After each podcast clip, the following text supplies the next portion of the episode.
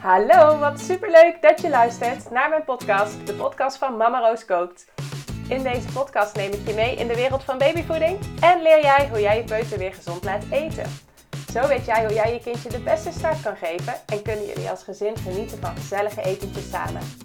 Mijn persoonlijke verhalen als mama van drie meiden, maar ook mijn achtergrond in psychologie, voeding en onderwijs hoor je terug in de verhalen van deze podcast.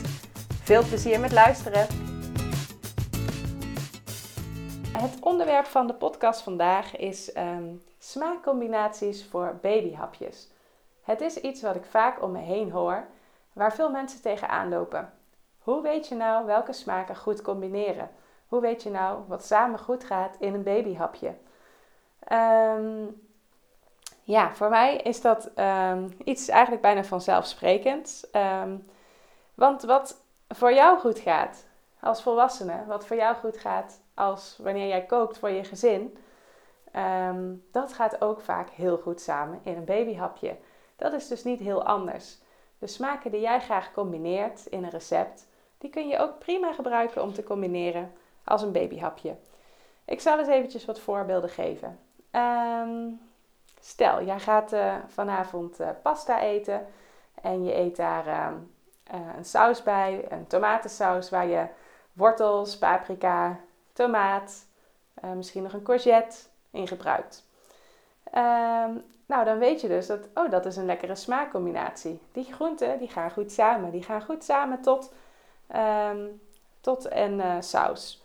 Ja, dan gaan ze dus ook heel goed samen tot een babyhapje. En in een babyhapje pas je dat wel wat aan, want het kan nooit één op één vertaald worden. Want in een um, tomatensaus, ik gebruik daar bijvoorbeeld vaak ook Ehm, een beetje rode wijn bij of veel ehm, zout, uh, peper en misschien wel rode peper ook om het wat pittig te maken.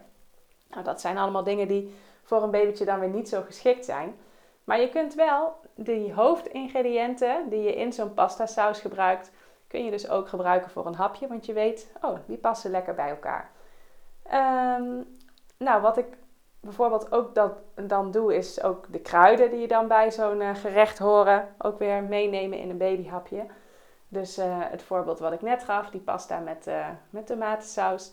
Basilicum is daar bijvoorbeeld heel lekker bij, of peterselie is daar heel lekker bij. Dus dat kun je ook weer in jouw babyhapje dan gebruiken om, om het hapje lekker op smaak te maken. Um, dus dat is eigenlijk al een eerste tip. Dus kijk gewoon naar wat eet je zelf, wat... Um, ja, wat vinden jullie lekkere smaakcombinaties en vertaal dat naar een babyhapje. Uh, wat daar ook heel positief aan werkt, is dat je baby ook zo op die manier kan eten aan wat jullie, of kan wennen aan wat jullie eten. En dat is een hele belangrijke, want je wil graag dat vanaf één jaar ongeveer je baby zoveel mogelijk met de pot mee kan eten. Dus dat hij gewoon uh, ook een bordje krijgt met wat jij voor het hele gezin hebt gekookt. Um, ja, dan is het wel heel fijn als je baby in die eerste fase, in die fase, dat eerste jaar, waarin hij echt alle smaken leert kennen.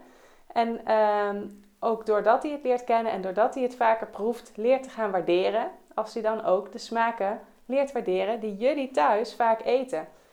Eten jullie thuis bijvoorbeeld altijd aardappels, groenten en vlees, ik noem maar even wat, dan is het ook fijn als je baby een beetje aan die smaken wendt. Eten jullie bijvoorbeeld heel vaak Aziatisch, dan is het fijn als je baby een beetje aan die smaken wendt.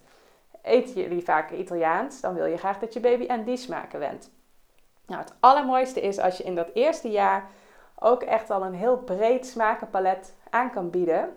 Um, want dat wordt toch allemaal in het geheugen van die baby opgeslagen, zodat, um, ja, zodat dat echt de smaken zijn die hij al uh, heeft leren eten en die hij op latere leeftijd waarschijnlijk ook makkelijker zal eten in de meeste gevallen.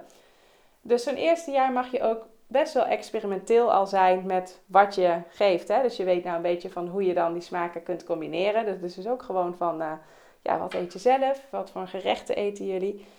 Um, maar het is ook wel mooi als je daar ook al uh, kruiden bijvoorbeeld echt in mee gaat nemen. Dus um, je kunt ook een keer Aziatisch koken en een Aziatisch hapje voor je babytje maken. Um, wat ik bijvoorbeeld altijd heel lekker vind, is ook echt een curry voor, uh, voor mijn baby. Rosa die smult er ook echt van op het moment. Nou, ik pak, bijvoorbeeld uh, pompoen en wortel en um, uh, ja, kan van alles zijn. Bloemkool vind ik ook altijd heel lekker in een, in een curry. En die kook ik, um, of stoom ik, gaar, dan doe ik er een beetje kokosmelk bij. Ehm, en misschien een beetje ras el hanout bijvoorbeeld. Of ehm, dat is een uh, Marokkaans kruidenmengsel. Als je daar een heel klein beetje van gebruikt, dat is echt al wel heel erg lekker uh, voor je baby. Of garam masala, een Indiaans kruidenmengsel. Kan ook al heel lekker zijn voor je baby. Daar zitten vaak ook niet echt de pittige specerijen al doorheen. Maar gebruik er echt een heel klein beetje van. Hè? En dat kun je opbouwen. Maar zo leert je babytje ook echt al een beetje wennen aan ook de smaak van kruiden en van specerijen. Ehm, wat je ook heel goed kunt doen is gewoon kookboeken gebruiken. Dus als jij ehm, een kookboek hebt, ehm, een Italiaans kookboek, een Aziatisch kookboek, een Spaans kookboek, noem het maar op. Gewoon iets waar alles in staat. Daar kun je ook gewoon doorheen bladeren en daar kun je ook lekkere smaakcombinaties uithalen. En die kun je dus ook weer gebruiken voor je baby. Zoals ik al zei, wel een beetje aangepast. Dus je kunt dat niet één op één gebruiken, maar je kunt het wel um, ja, gebruiken ter inspiratie. Van welke smaken gaan nou echt goed samen? En als ik iets met specerijen wil gaan doen of iets met kruiden wil gaan doen, ehm, hoe kan ik dat dan aanpakken? Je hebt ook specerijen, bijvoorbeeld um, gember. daar zou ik trouwens wel een beetje mee uitkijken, want die kan best wel pittig worden. Maar bijvoorbeeld ook citroengas of zo, die je niet per se uh, mee hoeft te pureren in een hapje uiteindelijk, maar die je wel bijvoorbeeld mee kunt of kunt gebruiken om mee te ehm, koken of mee te stomen. En die geven dan toch smaak af aan het hapje, zonder dat ze uiteindelijk echt letterlijk in je hapje terechtkomen, want je pureert ze niet mee. Of als je gaat prakken, dan prak je ze ook niet mee. Maar ze geven wel smaak af, dus dat zijn ook uh, mooie smaakmakers om daarvoor te gebruiken. Um, ja, nog een belangrijke tip die ik graag mee zou willen geven als je aan de slag gaat met de smaakcombinaties, met, met hapjes, um, is dat je niet overal een zoet hapje van gaat maken. Dat is namelijk nogal een grote verleiding, want baby's vinden dat ook erg lekker. Hè? Dat zul je misschien wel hebben gemerkt, dat bijvoorbeeld uh, er zijn een aantal uh, hele zoete groenten, um, bijvoorbeeld wortel of zoete aardappel of pastinaak. Dat zijn voorbeelden van echt wel uh, lekkere zoete groenten.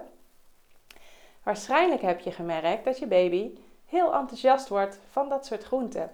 Dus dat als jij een paar keer een wortelhapje hebt gegeven en je hebt elke keer een enthousiaste baby, of je hebt een paar keer een zoete aardappelhapje gegeven en je hebt een enthousiaste baby, dan kan de verleiding groot zijn om zo'n product in al je hapjes te gaan verwerken. Om te denken van, oh ja, uh, als ik er wortel in doe, dan vindt hij het hartstikke lekker. Um, dat mag ook natuurlijk, uh, mag je regelmatig doen, want het is ook fijn als je baby geniet van het eten. Maar het risico is dat als je altijd iets zoets gaat toevoegen aan je hapje, dat je baby eigenlijk veel te weinig leert wennen aan bittere smaken. Um, ik heb in mijn cursus heb ik een, eh, een, ja, een eetschema zitten eigenlijk. Hè? Dus een, eh, een dagschema van wat je elke dag aan je babytje kan geven. Uh, waarbij ik al die smaakcombinaties al helemaal heb uitgedacht.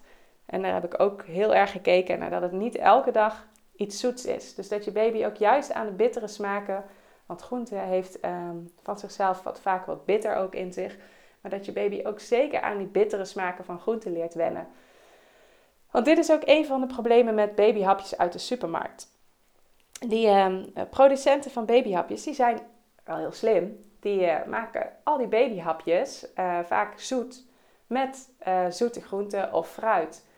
Als je dan naar de ingrediëntdeclaratie kijkt, dan vind je dat natuurlijk helemaal niet verkeerd eruit zien. Want er zit geen suiker in of zo om het zoet te maken. Nee, er zit gewoon wortel in. En wortel is natuurlijk een gezond ingrediënt waar je gewoon uh, blij van kan worden. Um, maar ja, het probleem is dat als je baby altijd een hapje krijgt wat dus zoet gemaakt is, met zoete groenten of met fruit, dat hij gewoon eigenlijk niet aan uh, die andere smaken van groenten leert wennen, die er ook zijn. Dus aan dat bittere. Dus dat is ook echt heel belangrijk om, uh, om daar ook mee te oefenen. En uh, ik snap het wel van de producenten van babyvoeding, want die willen natuurlijk heel graag dat de babytjes enthousiast zijn van de hapjes. En um, als die babytjes enthousiast zijn, dan hebben ze veel meer kans dat de ouders het nog een keer gaan kopen.